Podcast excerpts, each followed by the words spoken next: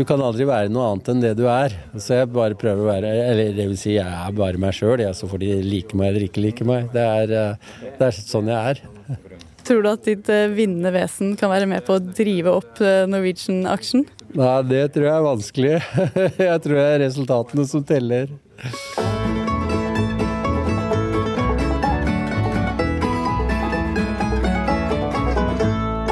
Det er eh, fortsatt aksjemeglere der ute, men de har ikke brede bukseseler, og de står ikke og skriker til hverandre. Og de kaster heller ikke telefonrør på hverandre, som de gjorde i, hine hårde dager. Kjøpe på topp og selge på bunn, og det ser en jo gang på gang at privatpersoner gjør. Men jeg tror flaks er minst 95 Ja, penga, ja, de penga er til bekymring for fattig og for rik.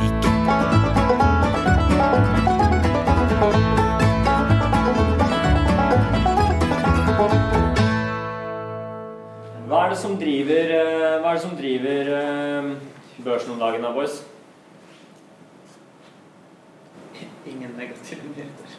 Ja, men det er jo liksom det er, litt sånn det er jo positiv eh, ja. Det er positivt at olje holder seg oppe. At Hillary leder. Ja. I et auditorium midt i Oslo sentrum sitter en gjeng og skal bestemme seg for hvilke aksjer de skal kjøpe og selge. Og Altså, det er jo ikke bare ett selskap som har rapportert. eh, Dette er laget til Høgskolen i Oslo og Akershus. Seks gutter og én jente. I aksjenettstedet Nornets skoleduell i aksjehandel. Vi er ni høyskoleuniversitet rundt om i hele Norge, og en eh, proff, eller en, eh, en ekspertportefølje, som er ekspertenes konsensus av det de tror er best. Eh, så det er samlet eh, Altså alle har 100 000 kroner hver, så det er samlet en million kroner i markedet. Og vi konkurrerer jo om å skape mest avkastning. Reelle penger, og det er litt restriksjoner for hva vi kan gjøre. Vi må ha en viss eh, diversifisering. Vi må være minst eh, 70% investert. Vi kan ikke eh, altså shorte, tjene penger på nedgang. Eh, Vi kan bare sitte i aksjer, så ikke noen sånne derivater og ikke noe girede produkter. Så det er litt restriksjoner for hva vi kan gjøre. Det sier Peter Karlsson, som leder aksjegruppa. De møtes én gang i uka for å bestemme neste trekk. Fra møte til møte så gjør vi egentlig veldig lite.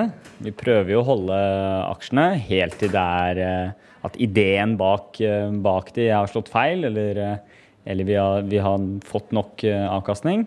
Um, Men det vi ser på, er eh, Vi, prøver å identifisere verdi, eh, og prøver å finne riktig timing for å gå inn og ut. Det ser det ut til at de har klart rimelig godt så langt. Siden etter sommeren så har vi nå 9% avkastning, så vi har jo slått børs. Um, og jeg føler selv også at vi har gjort det på en, på en veldig fin måte, at vi ligger bredt i, i flere sektorer. Uh, så vi er, vi er veldig fornøyde med, med den porteføljen vi har, og vi tror videre at det kan uh, skapes reelle verdier der. Da. Denne gjengen studerer jo finans, så det er kanskje ikke så rart at de er opptatt av aksjehandel. Men også for folk flest er det å eie aksjer skikkelig populært for tiden. Ikke siden 2005, altså en god stund før finanskrisen, har det norske folk eid en så stor andel av aksjene på Oslo Børs som akkurat nå. Og stadig flere prøver seg. Over 350 000 nordmenn eier enkeltaksjer på Oslo Børs for til sammen mer enn 80 milliarder kroner. Det vil si at de eier aksjer for over 230 000 kroner hver. Tror du alle disse 350 000 vet hva de egentlig eier, Kari? Det er ikke godt å si. Nei, for en fjerdedel av den norske befolkningen er nemlig usikre på, eller vet ikke hva en aksje er for noe, ifølge en undersøkelse gjort tidligere i år for stiftelsen Aksje Norge. En aksje det er jo da et bevis på eh, at du eier en del av et selskap. Den sier litt om hva du eier, og hvor mye du eier i det selskapet du, du har valgt å investere i. En aksje oppstår jo eh, når et selskap velger å bli notert på Oslo Børs. Eh, da velger man å bli eh, notert og utstede sin aksje, sånn at den skal kunne bli handla av publikum. Så blir den kjøpt og solgt i annenhåndsmarkedet. Ja, Det er jo der man skiller mellom primærmarked og, sekundærmarked. Altså Primærmarkedet er jo der man eh, går og lister en aksje. Førstehåndsmarkedet og annenhåndsmarkedet er når aksjen er omsettelig og kjøpes og selges etter den har blitt notert. Mitt navn er Lene Refvik, jeg er daglig leder av stiftelsen Aksje Norge. Hva er det for noe? Aksje Norge er en stiftelse som eh, er ikke-kommersiell og jobber for økt kunnskap om aksjer og aksjemarkedet i Norge. Og det gjør vi fordi vi mener at økt kunnskap er det som skal til for at flere skal velge å spare langsiktig i aksjemarkedet. Jeg vil jo si at man nå ser en økt interesse i å spare i aksjer. Eh, jeg ser jo mest på statistikk knytta til sparing i enkeltaksjer.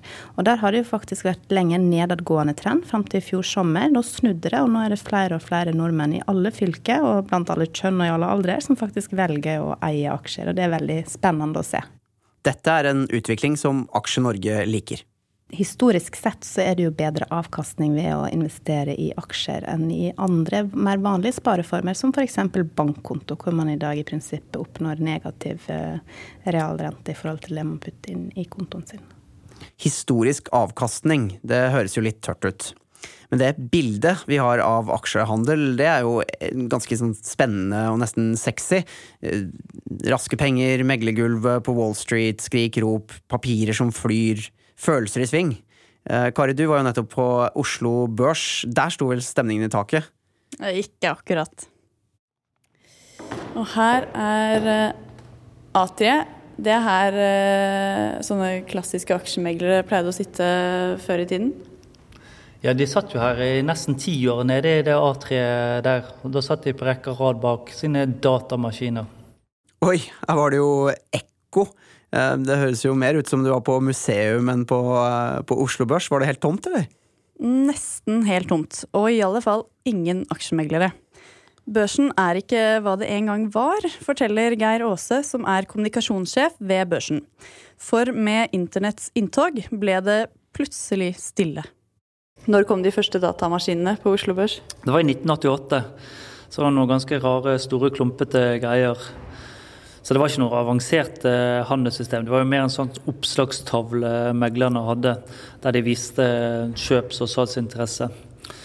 Eh, men det var jo ikke noen automatisk eh, vanlig elektronisk handel sånn som vi kjenner i dag. Hvis man skulle slutte en ordre, så måtte det gjøres manuelt. Så det betyr at han som satt på det ene hjørnet, hvis han skulle gjøre det med det andre meglerhuset satt så måtte han gå bort og pikke han i ryggen og si at de aksjene, de tar jeg. Så det her er fra 1988, det bildet du viser meg nå? Ja, det er fra 88. Her sitter man med sånne kassedataer. Ja, men her, her ser vi på hvordan aksjehandel foregikk før datamaskiner kom. I, I, dette rommet som vi, vi, er i nå. Der du ser at meglerne sitter på rekke og rad på sine små pulter. Der har de til og med fått egne telefoner rett inn på pultene der de kan ha kontakt med meglerhuset. Og så satt kursnoteringsledelsen fremme, eh, akkurat eh, her vi, her vi står eh, og prater akkurat nå. Hvilken funksjon var det de hadde? Nei, det, det, det, var jo handel én gang for dagen den gangen. Så man tok jo aksjene alfabetisk. Så rundt lunsjtider. Og så leste man opp aksjene, og så måtte disse meglerne indikere og vise om de ville kjøpe og selge omtrent hvor mye. Så da noterte man det oppe og prøvde å få med seg. Så her ser du en som rekker opp hånden, så kanskje han skulle kjøpe noe i Bergen Bank eller noe sånt. Bergen Bank kom jo tidlig alfabeter, ble lest opp tidlig. På den tiden så kunne man også se på aksjehandel. Eh, det er jo, folk ble litt skuffet når de kommer på Oslo Børs nå, for det er jo ikke noe megler her lenger. Men eh, her var det et publikumsgalleri, så det var satt opp en glassvegg der folk kunne komme og se på denne daglige eh, kursnoteringen. Det her ser ut som litt sånn auksjonsstemning? Ja, det var, det var, jo sånn at uh, i, i, gamle dager, før man fikk internett og sånn, så måtte jo folk møtes fysisk og være i samme rom for å bli enige om prisen på, på et uh, verdipapir eller en vare. Så det var, det var det som var den opprinnelige grunnen til at man hadde børser. Så det var børser rundt de fleste byene i Norge. Til og med i Drammen og i Bergen og Trondheim og en rekke andre byer. For når jeg ser for meg, eller når jeg hører ordet børs, så får jeg litt sånn 80-tallsbilder i hodet mitt. Sånn Gordon Gekko og trading floors som er fulle av meglere som river seg i håret, masse dataskjermer, telefoner og papir som flyr veggimellom. Hva er det, her er det jo usedvanlig stille. Hva er det som har skjedd? Nei, meglerne de forsvant i 99, de. Eh, Og det var pga. internett? Ja, det, det hjalp med internett. Da trengte ikke man å være på samme sted og i samme rom for å bli enige om eh, hvilken kurs eh, det skulle være i, i Bergen Bank. Eh, da kunne man sitte hvor som helst i, i, i verden. Eh, så da fikk man et handelssystem som var desentralisert, eh, der man kunne handle på internett. Så det var først da man fikk eh, internetthandel og handel sånn som man kjenner det i dag. eh, Oslo børs og Norge vi lå kanskje litt etter. Eh, for dette ble først testet ut i USA. Så alle har hørt om Nasdaq-børsen. Det var jo en av flere børser i USA. Men Nasdaq de var først ute i verden med elektronisk handel. Så de begynte vel allerede ganske tidlig på 80-tallet, kanskje slutten av 70-tallet også. Også den andre børsen, den gamle børsen som vi kjenner fra Wall Street, Nyse, eh, de hang litt tilbake når det gjaldt elektronisk eh, handel. Så veldig mange av de bildene vi ser på TV og filmer, det er fra det børsgulvet som er på Wall Street på Nys Nysebørsen. Men med den eh, desentraliseringen som skjedde på tidlig eh, 2000-tallet En ting var jo at, man kunne, at meglerne kunne sitte hjemme på kontoret og, og handle aksjer. Men har det ikke også gitt en enorm frihet til eh, altså, meg og deg, som også ikke er meglere, til å kunne utføre de transaksjonene selv? Ja. Så det, det, det Aksjehandel og aksjemarkedet har aldri vært så tilgjengelig som i dag. Eh, informasjonen er mye lettere tilgjengelig på internett eh, for alle. Eh, og ikke minst, det har blitt mye billigere å handle. Vi kaller det for kutasje og for den avgiften som meglerhusene tar for å gjennomføre handel. Og den har gått veldig mye ned de siste 10-20 årene. Hva med antall meglere? Det, det er blitt mange færre aksjemeglere enn det var for 20 år siden.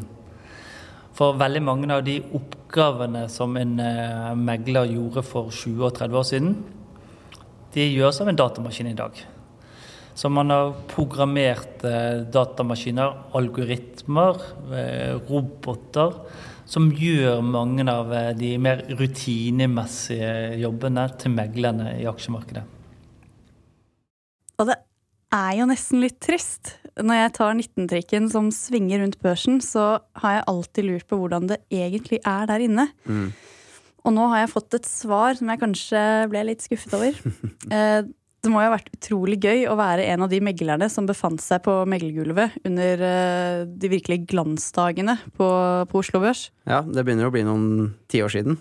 Men jeg, jeg har prata med en som var der, da. Eh, Men nå sitter han selvfølgelig da høyt oppe i et flott glasshus på Aker Brygge. Sindre Støer han satt i mange år i ledelsen av Svedbank, eh, som før het eh, First Securities. Men nå leder han interesseorganisasjonen for hele denne bransjen, Verdipapirforetakenes forbund. Jeg spurte han om eh, hvor det har blitt av den gode, gamle aksjemegleren. Han fins nok fortsatt, han og hun. Dessverre ikke så mange jenter, men det er fortsatt aksjemeglere der ute i foretakene våre. Men de har ikke brede bukseseler, og de står ikke og skriker til hverandre. Og de kaster heller ikke telefonrør på hverandre, som de gjorde i, hine hårde dager. Og jeg starta i bransjen helt i starten på 1990, og da var det ordentlig god gammeldags megling på pultene. Og det var innmari gøy, altså. Det var et enormt sånt energisenter rundt i eh, meglerbordene. Eh, jeg holdt på å si Jo større meglerbordene var, dess morsommere var det jo. Eh, I dag så er det mye mer stille. Det har skjedd fryktelig mye, dessverre. I den forstand at eh, det er veldig mye som er elektronisk. Både det å krysse aksjene, det å legge inn og gjøre aksjehandlene. Det går stille for seg, for det er en computerjobb. Og så er det dessverre også sånn at man snakker ikke så mye med kunden lenger. Man chatter med dem på en Bloomberg, eller man sitter og skriver og meldinger og greier. Så den der litt intense energien som man hadde på meglerbordene det, den er nok litt borte. Men funksjonen, det man gjør, det er fortsatt like viktig. For mens det alltid er eh, aksjemeglerne som blir løfta fram på film, så er det en annen gruppe finansfolk som roper til oss fra avisenes eh, forsider. De som skal fortelle deg og meg det helt sentrale når vi kjøper en aksje, nemlig hvilken pris vi kan selge den for i fremtiden. Analytikerne. Og her har jeg en liten teori. Vil du, okay. vil du høre? Ja, kom igjen. Jeg tror nemlig at den statusen og wow-faktoren som eh, omringet aksjemeglere på 80-tallet, den tror jeg har blitt overført til eh, dagens analytikere. Du, er du forelska i en analytiker, eller er det derfor du sier det? Nei, men bare hør på ordet sjefsanalytiker. Shit, da skal du ha rimelig peiling for å gjøre deg fortjent til en uh, sånn tittel. Uh, Altså, du er helt sjef på å analysere, da. Ja, det er jo ikke så veldig rart at folk gidder å høre på en eh, som har en sånn tittel. Nei, så jeg tenker vi må finne ut av hva en aksjeanalytiker egentlig driver med, da, og om folk faktisk bør stole på det de sier. Men eh, først til annonsøren vår Deloitte, som jo har et betalt bilag her i Ja de penga-feeden. Deres egen podkast Verdien av tillit. Der er det Christian Borch som er programleder, og vi spurte Christian hva vi kan vente oss i episode nummer tre. Ja, det, det her kommer altså da i tillegg til sjefen for Deloitte eh, Norge, så kommer altså riksrevisor Per Christian Foss, en ikke ukjent tidligere finansminister og politiker fra Høyre, som eh, jo har eh, overrasket alle ved sin friske måte å si tingene på. Han tok bl.a. for seg den sittende justisministeren i et nokså brutalt oppgjør med mangelen på beredskap etter 22.07-massakren. Eh, han flådde ham omtrent naken, holdt jeg på å si, på et eh, stort møte, hvor han da i bit for bit gikk gjennom hva Justisdepartementet hadde gjort i forhold til det Justisdepartementet hadde fått beskjed av parlamentet om å gjøre, altså av Stortinget om å gjøre. Og det var ikke nådig, det kan jeg forsikre deg for. Og det er et interessant poeng, fordi at dette med Riksrevisjonen, det er altså forankret i Grunnloven, der det står at Norge skal ha minst fire riksrevisorer, noe som er eh, basert på en særdeles uheldig behandling av statens finanser av en privat forretningsmann i Norge som fikk oppdrag av kongen i København å ta vare på disse pengene, og tok ikke vare på dem i det hele tatt. Han brukte rubb og rake på sin egen konkurstruete bedrift. the third uh, this uh, third quarter uh, Den stemmen der høres veldig kjent ut. starting Det er et eller annet med den der Norwinglishen Men jeg klarer ikke helt å sette fingeren på hvem det er. ok, jeg gir deg tre stikkord. Ok, Et stort glis, ja. fly ja. Og- Nei, nei, altså jeg trenger jo ikke mer enn de to, da. Det er jo selvfølgelig Bjørn Kjos, ja, det hører jeg nå. Altså Norwegian-sjefen. Ja, det er helt riktig. Um, Jeg var nemlig på Norwegians eh, kvartaltallspresentasjon. Eh, Der de, som alle andre børsnoterte selskaper, legger frem tallene for hvordan det har gått de siste tre månedene, og hvordan de tror det kommer til å gå fremover. Ja, går det bra med Norwegian, eller? Ja, virkelig. Det ser ut som det er skyfri himmel. Ingen fugler i jetmotorene? Nei.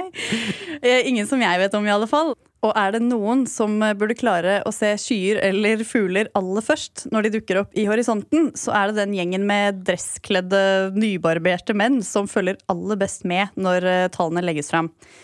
Alle store meglerhus og banker har jo analytikere med ansvar for å følge en bestemt aksje eller bransje. Og deres kanskje viktigste oppgave er å sette et såkalt kursmål. Altså den prisen analytikeren mener aksjen vil ligge på i fremtiden. Slik at folk kan vite hva som er et godt tidspunkt for enten å kjøpe eller selge. Og Preben fra Carnegie er én av disse gutta. Preben Rask Olsen fra Carnegie, aksjeanalytiker. Er du overrasket over hva vi ble presentert her i dag? Nei, vi har som regel ganske kontroll, fordi de gir ut månedlige oppdateringer på topplinjen, og det er egentlig det viktigste i dette selskapet.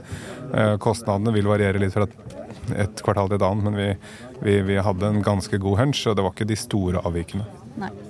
Eh, hvordan tror du Norwegian-aksjen vil bli påvirket neste timen over, eh, etter hva, eller basert på hva vi har blitt presentert her i dag? Ja, nå kan jeg jo jukse litt, for jeg har allerede sjekket, og den er opp 5% Og det er jo helt stikk i strid med hva jeg trodde for en halvtime siden. Hva trodde du da? Nei, jeg trodde den skulle falle litt i dag. Eh, og bakgrunnen for det er at jeg mener jo at det er en litt feil eh, i, i hvordan de presenterer materialet, og at kostnadene i utgangspunktet er litt høyere. Så min påstand er jo at eh, andre i markedet tar litt feil akkurat for øyeblikket, da. Så får vi se. Det er jo rimelig ballsy å hevde at han selv har rett, da, mens hele markedet, altså praktisk talt resten av verden, tar feil. Eh, Spørsmålet er jo hva de baserer disse estimatene sine på. Hva er det egentlig sånne som Preben driver med der de sitter foran eh, dataene sine? Det spurte jeg jo faktisk Sindre Støer i Verdipapirforetakenes forbund om. I bunn og grunn så er det det å ha best mulig forståelse for hvordan et selskaps inntjening vil utvikle seg de neste tre, fem, ti årene. For det er med å prise aksjen i markedet. Uten å ha en relativt god prognose på hva du tror dette selskapet skal tjene, og uten å kunne ha et ganske sånn godt, et godt grep om hva utfallsrommet er i de forskjellige scenarioene. Eh, du har et makroscenario som ser eh, palserosa ut. Hvordan gjør de det da? Hva er utfallsrommet da? Hvis det makroklimaet blir litt annerledes, hva er utfallsrommet da? Sånn at du kjenner på risken. Eh, og hvor galt kan det gå, hvor godt kan det gå? Hva er liksom, å leke litt med utsidene. Hva er oppsiden på dette her, utover det vi tør å tenke på nå? ikke sant? For det er jo et sted mellom konkurs. En aksje kan jo gå til null, og så kan den jo gå fryktelig høyt. Helt avhengig av hvordan denne businessen vil utvikle seg. Konkurranseklima innad i industrien, hva er det som driver konkurransene? Hva er det som gjør at prisene kan gå hit og dit? ikke sant? Veldig, veldig komplisert finansiell, eller skal si, ikke finansiell, men strategisk forståelse og analyse av foretakene og de industriene de er i. Og helt ned da til en eller annen sånn type forecast på de forskjellige nøkkeltallene som går inn i forskjellige prisingsmodeller. Preben fra Carnegie, han som du snakket med på Norwegians kvartaltallsprestasjon, han var jo overraska over hvordan markedet reagerte på tallene som ble lagt fram, at kursen steg med 5 Du så jo de samme tallene, Kari. Ble du overraska? Nei, jeg synes det så lovende ut, jeg. Ja. Så jeg lurte litt på hva aksjeanalytikeren Preben vet, som jeg, podkasteren Kari, ikke vet. ja, snakk om å være ballsy da, Kari. Jeg er ingen analytiker, men det jeg har hørt her, er at uh, de kjøper flere fly, det er flere passasjerer, de øker antall ruter, og attpåtil er uh, oljeprisen lav. Altså lave kostnader hva det kommer til drivstoff.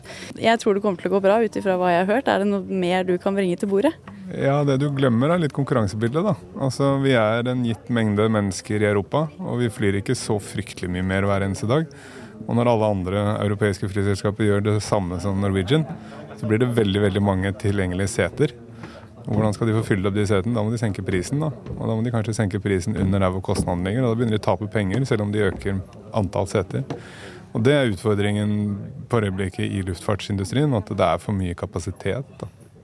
Så det vil jeg si er forskjellen. Ok, Så Preben har åpenbart mer innsikt i flere parametere enn det du og jeg har, Kari. Men hjelper det? Altså Er estimatene og rådene hans så mye bedre av den grunn? Ja, og det er jo et viktig spørsmål som flere har blitt opptatt av de siste årene. Om analytikere faktisk klarer å predikere hvordan det skal gå med en aksje. For noen ganger så kan det virke som det er nesten en ulempe å vite for mye. Du kjenner sikkert til Daniel Kahneman, den eneste psykologen som har vunnet nobelprisen i økonomi. Mm. Han har jo et berømt eksempel i bestselgerboka si 'Thinking Fast and Slow'. Oh, det er en fantastisk bok. Ja, Enig. Kahneman ville finne ut hvor gode råd finansanalytikerne egentlig ga, og ved hjelp av historiske data for et finanshus i New York undersøkte han om det var de samme analytikerne som fikk mest rett i sine estimater år etter år, eller om det varierte. Det han fant, var at det statistisk sett var praktisk talt null korrelasjon mellom hvem som var den beste analytikeren det ene året, og hvem som var det året etter. Med andre ord, det var ren og skjær flaks hvem som traff, og hvem som bommet med de estimatene de ga. Ja, og Ola Kvaløy, som er økonomiprofessor ved Universitetet i Stavanger, han har jo gjort et lignende forsøk her hjemme i Norge. Ja, Dette var bare en liten sånn back of the envelope, uhøytidelig analyse. Jeg så bare på norske fond fra 2009 til 2014. Eh, og det er sånn at eh, Hvis noen fond systematisk gjør det bedre enn andre over tid, så skulle du forvente at det var en positiv korrelasjon mellom Tenk deg at du rangerer alle fondene. Så er det 30 fond, så rangerer du de fra 1 til 30. Og korrelasjonen mellom rangeringene hvert år burde være positiv da, hvis det er noen som systematisk er bedre enn andre. Altså at hvis du gjorde det bra i fjor, så er det større sjanse for at du gjør det bra i år også? Ja. Eh, og eh, ta, ta, jeg gjorde en liten undersøkelse av det på engelsk eh, fotball. Så eh, som gjorde det bra ett år, gjorde de det bra eh, neste år. Ja, som venta, høy korrelasjon. sant? Da tok du ikke med Leicester City? Eh, nei, ja, ja, da, de eh, reduserer jo den korrelasjonen. Men, men ja, det er en høy korrelasjon på gjerne over 0,5. Eh, når en gjør den type analyse på norske fond, så ser en at det er tilnærmet eh, ingen korrelasjon. Altså det var vel 0,01. Eh, altså er det ingen sammenheng med hvordan noen gjør det fra ett år til et annet. Eh, det tyder på at det er eh, tilfeldigheter. Eller et annet ord som er Flaks. De vil liksom ikke helt tro på det heller, for at de, de, de har jo en opplevelse av å jobbe hardt, gjøre analyser, og de er høyt kompetente folk som kan mye økonomi. Og, og, eh, men det de gjerne glemmer, da, at eh, bak ethvert kjøp så er det et salg. Der er det noen andre også som har gjort eh, analyser. Og skal du være i stand til å slå markedet, så må du enten ha mer informasjon enn andre. Det kan være ulovlig å ha. Eller så mulig du, du eh, Ja, OK, du kan tolke informasjon bedre enn andre. Det viser seg at det er vanskelig. Men som jeg sa, kanskje noen er flinkere til å unngå noen psykologiske feller enn andre. Eh, men jeg tror flaks er minst 95% Kvaløy så jo på fondsforvaltere, ikke aksjeanalytikere. Sikkert fordi det er lett å måle prestasjonen deres. Analytikerne plasserer jo ikke pengene, de gir jo bare råd. Så skal man klare å finne ut hvor mye rett og feil de tar, så må man jo grave frem flere år med analyserapporter og presseklipp. Det er rett og slett litt vanskeligere å måle hvor dyktige de er. Ja, men vi hører jo om eh, meglere og ikke minst investorer som tjener masse penger på å slå markedet, som det heter, eh, år etter år. Men det er ikke så rart, mener Kvaløy. Det er jo ren statistikk. Altså Hvis du tar og slår, slår markedet ti år på rad, det er ca. én milliontedels sjanse. Men det er eh, langt flere enn én million investorer der ute. Så det er mange som går rundt og slår markedet ti år på rad. De blir jo stort sett geniforklart, men de vil jo nødvendigvis være der. Uh, du har han Bill Miller som er en av disse legendene som var klarte vel i 15 år.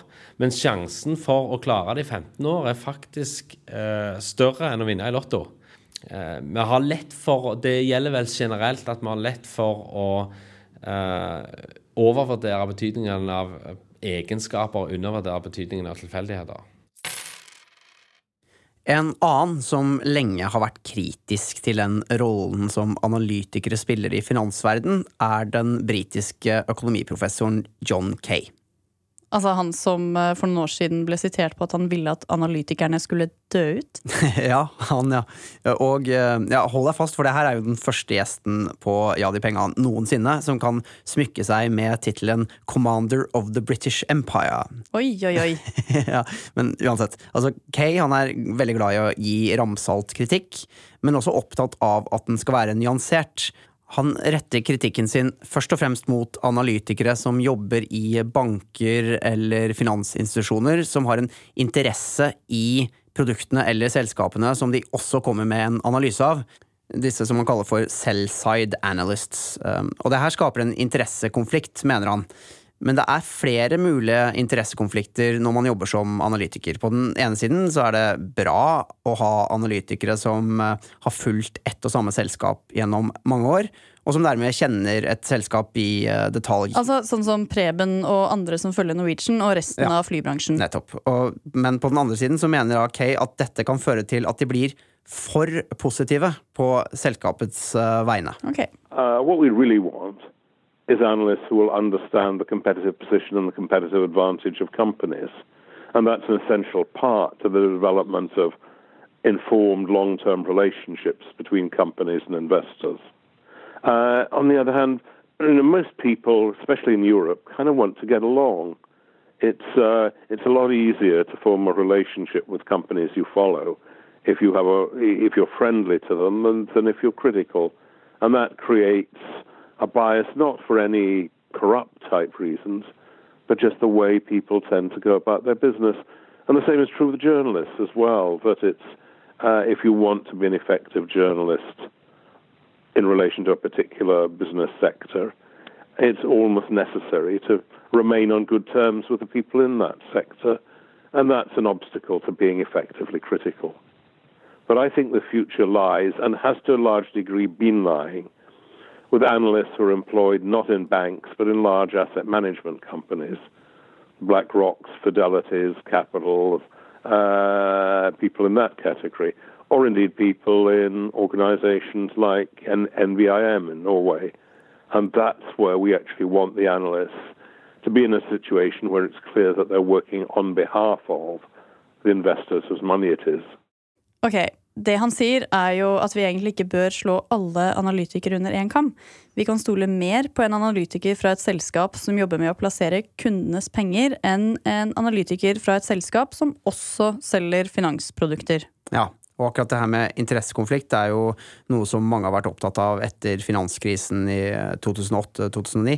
Eh, spørsmålet er rett og slett hvor mye man faktisk har klart å gjøre med det problemet, da.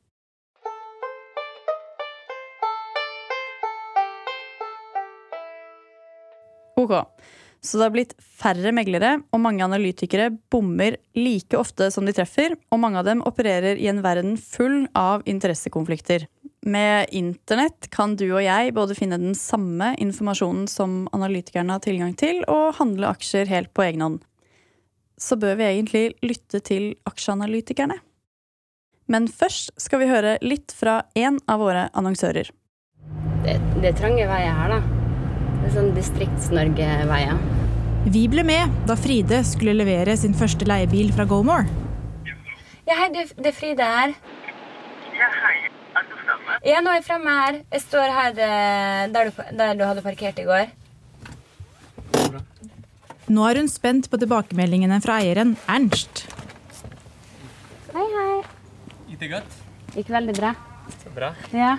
Skal vi gå gjennom bilen, da? Eller se på bilen? Det er rett og slett litt triveligere å leie bil fra en privatperson enn fra et stort anonymt selskap. Jeg vil gi veldig god tilbakemelding til både bilen og bileieren. Og eh, nei, altså det var jo mitt første møte med Gomer, men det har stått til all forventning, så det er jeg skikkelig fornøyd. Så bra. Mm. Godt å høre. Ja. Ok. Ja, men Det får du har fortsatt eh, fin helg. I like måte. Ja, Ha det fint. takk for det. Ha det bra. Leie en bil, eller lei ut bilen din på gomore.no. Så dette har jeg lyst til å gjøre igjen.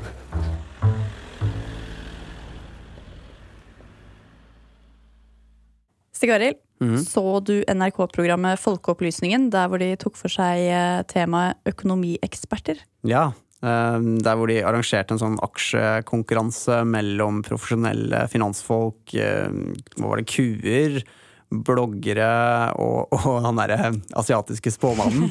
Eh, Og så var det bloggerne som vant. Yes, riktig. Det var ganske underholdende. Eh, de der finansfolka ble ganske lange i maska. Ja, skikkelig. Men det var ett perspektiv da, som jeg syns mangla. Et veldig viktig prinsipp eh, når vi snakker om eh, sparing i aksjer.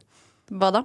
Langsiktighet. Altså Er det én ting eh, Lene Refvik i Aksje Norge er opptatt av, så er det nettopp langsiktighet. Og da er det ikke det å handle aksjer som er viktig, men å eie dem. Nå kan jeg bare presisere at Aksje Norge snakker jo ikke så mye om å handle aksjer nødvendigvis. Vi tenker mer på å eie aksjer, fordi at eh, det er jo nettopp det som ligger i en langsiktig sparing i aksjemarkedet. Det vil jo være å eie det, og ikke kjøpe og selge. Og når du spurte tidligere om hvilke feil eh, feil nye, eller nye privatpersoner til markedet ofte gjør, så er det jo nettopp det at de går inn og tror at man skal kjøpe og selge hyppig. Og, og det man risikerer da, er jo rett og slett å kjøpe på topp og selge på bunn. Og det ser en jo gang på gang at privatpersoner gjør. Man kjøper på topp og selger på bunn. Så um, man må tenke eie, ikke handle. Ja, og hvis du har en eh, langsiktig horisont, så må du gjerne lytte til analytikerne. Så lenge du ikke bare lytter til én av dem, mener hun. Så det man må gjøre når man går inn i aksjemarkedet, er jo rett og slett å danne seg sitt eget bilde av hva man selv tror, gjerne basert på innspill fra flere aktører. For det er viktig å hente innspill fra flere når man skal danne sitt eget bilde. Og så må man sette- det i tråd med sin egen risikoprofil og sin egen tidshorisont for investeringer.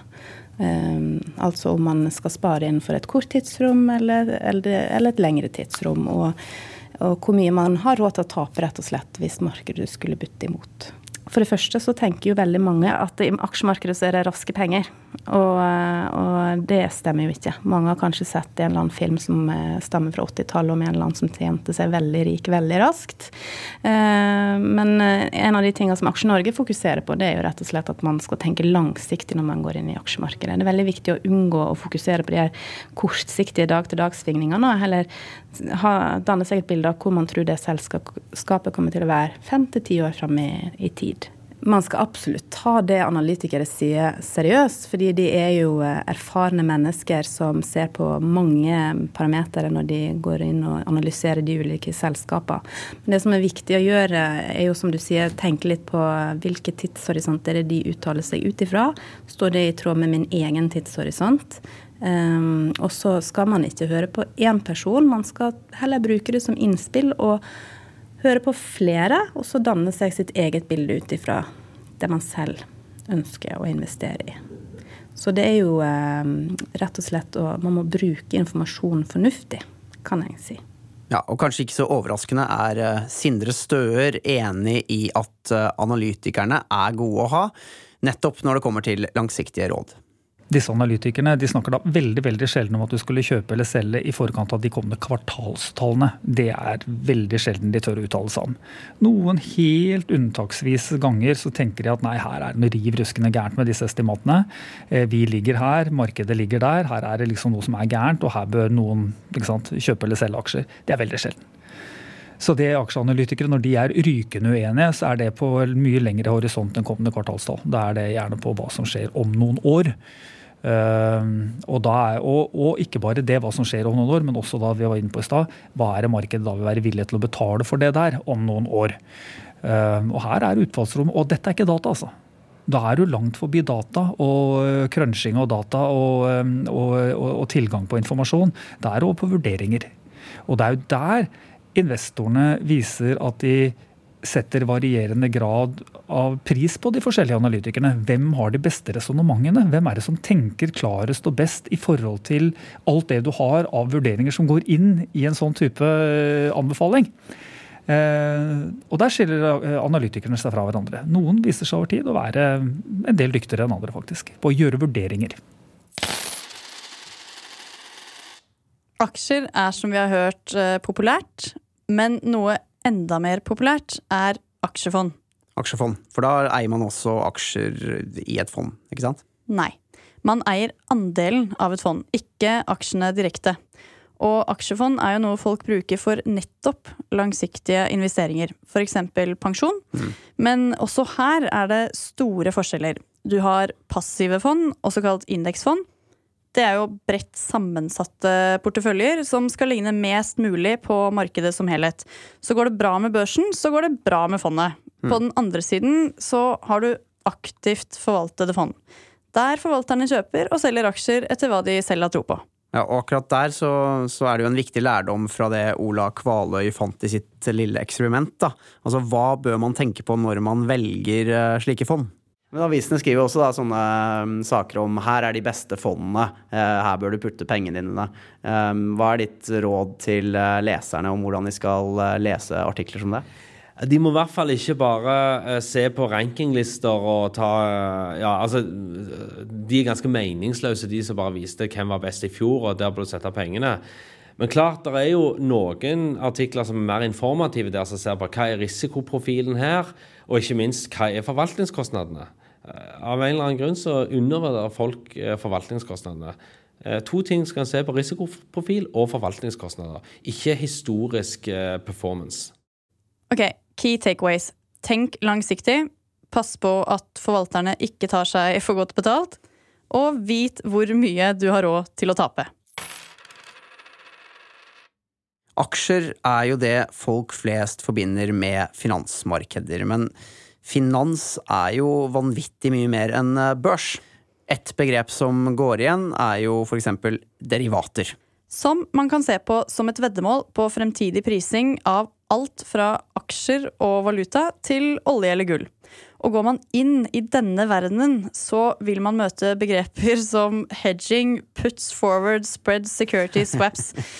Det er kanskje ikke så rart at folk som ikke er eksperter, er litt eh, skeptiske til å nærme seg finansmarkedene. Nei, det høres skummelt ut. Og det betyr jo også at det ikke nødvendigvis er eh, aksjemeglere eller aksjeanalytikere som studentene vi møtte på Høgskolen i Oslo og Akershus drømmer om å bli når de er eh, ferdig utdanna. Jeg lurer litt på om jeg skal forsøke å bli Norges beste i valutasikring. Jeg spurte nemlig Peter Karlsson hvorfor et meglerhus eller en bank skal ansette akkurat han eller medstudentene hans, når forskning jo viser at både kuer og kanskje aper er like gode til å spå om fremtiden. Godt spørsmål. Eh, opsjonsstrategier vil aldri apen få bedre enn en et menneske eller en datamaskin. ikke sant? Eh, og det er også veldig altså sånn hedging og sikring og den, det type ballgamet der, det er noe jeg liker veldig godt. Og der tror jeg det er en framtid. Og selv om datamaskinene nå gjør mange av jobbene til både aksjeanalytikere og aksjemeglere, så tror Peter at det fremdeles vil være behov for folk av kjøtt og blod i finansbransjen i årene som kommer. Ja, det tror jeg. Det, og det tror jeg av den enkle grunn at Uansett hvilke produkter som, skal, som skapes, som uh, fremstilles og designes og opereres av maskiner, så uh, må de, de, må programmeres, de må tenkes ut. Det er jo én del. Helt sikkert en ingeniørjobb, ikke en økonomjobb. Men de må også selges og, eh, og, og forvaltes. Altså, altså de, må, de, må, over på hvermannsen. Uh, for skal liksom hele finans bli borte, så sier man implisitt at hvermannsen skjønner alt av finans som går der. Og det, det er kanskje litt longshot, da.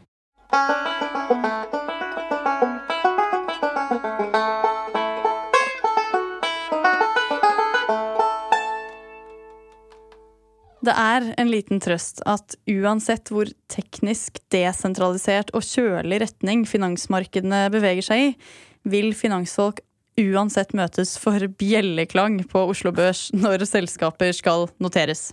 Ja. Det har jeg vært med på. Har du vært på, på børsnotering? på en måte. Kanskje ikke helt, da. Nei.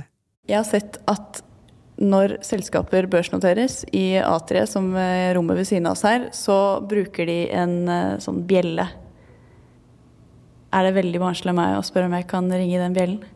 Det er jo litt barnslig, uh, men det er mange som har spurt om det. Får jeg lov? Ja, vi pleier å si nei, men siden er deg. Uh, vi har jo en børsbalkong her.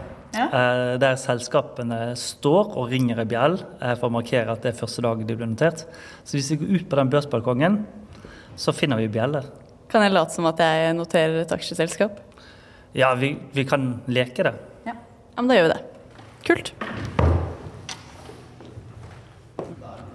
Så de, de beste, Den beste ringingen det får man hvis, det, hvis man løfter bjell høyt ja. og bruker begge hendene. Begge hender, OK. Ja. Det er bra lyd på den. Ja, ja. Shit, takk. Det er noe jeg har tenkt på lenge. Da kan jeg krysse av det listen. Bare, bare hyggelig. Man, man, må være forsiktig med denne bjellen. Og uh, av og til så blir de litt ivrige, de som ringer med bjell. Det, det, det, er jo en stor dag for mange selskaper, og, og, for noen som har jobbet med sånne ting. Så for et par år siden så var det en som ble litt for ivrig, og kakket uh, finansdirektøren midt i hodet. Så vi måtte finne fram litt plaster til denne finansdirektøren. Er det noe sånn at et kraftigere bjelleslag vil kunne hva skal jeg si, drive aksjen opp i været? Det er jo en sånn tankens kraft, det er jo veldig viktig. Ja. ja, du ringte børsen inn du, Kari, så da er det kanskje på tide å, å ringe ja, de penga ut. Ja. Jeg skal prøve å ikke kakke bjella i hodet på deg, i hvert fall. Ja, det setter jeg stor pris på.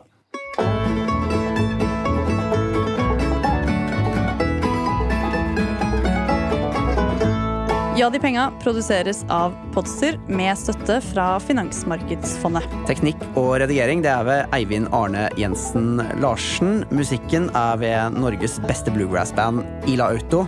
Som har spilt inn en eh, herlig coverversjon av Vidar Sandbecks eh, Pengegaloppen eksklusivt for Ja de penga. Musikkvideoen av den innspillingen finner du faktisk på Facebook-siden vår, så følg den. Ja, gjør det. Og liker du det du hører, så fortell vennene dine om Ja de penga, og gi oss gjerne noen stjerner i iTunes.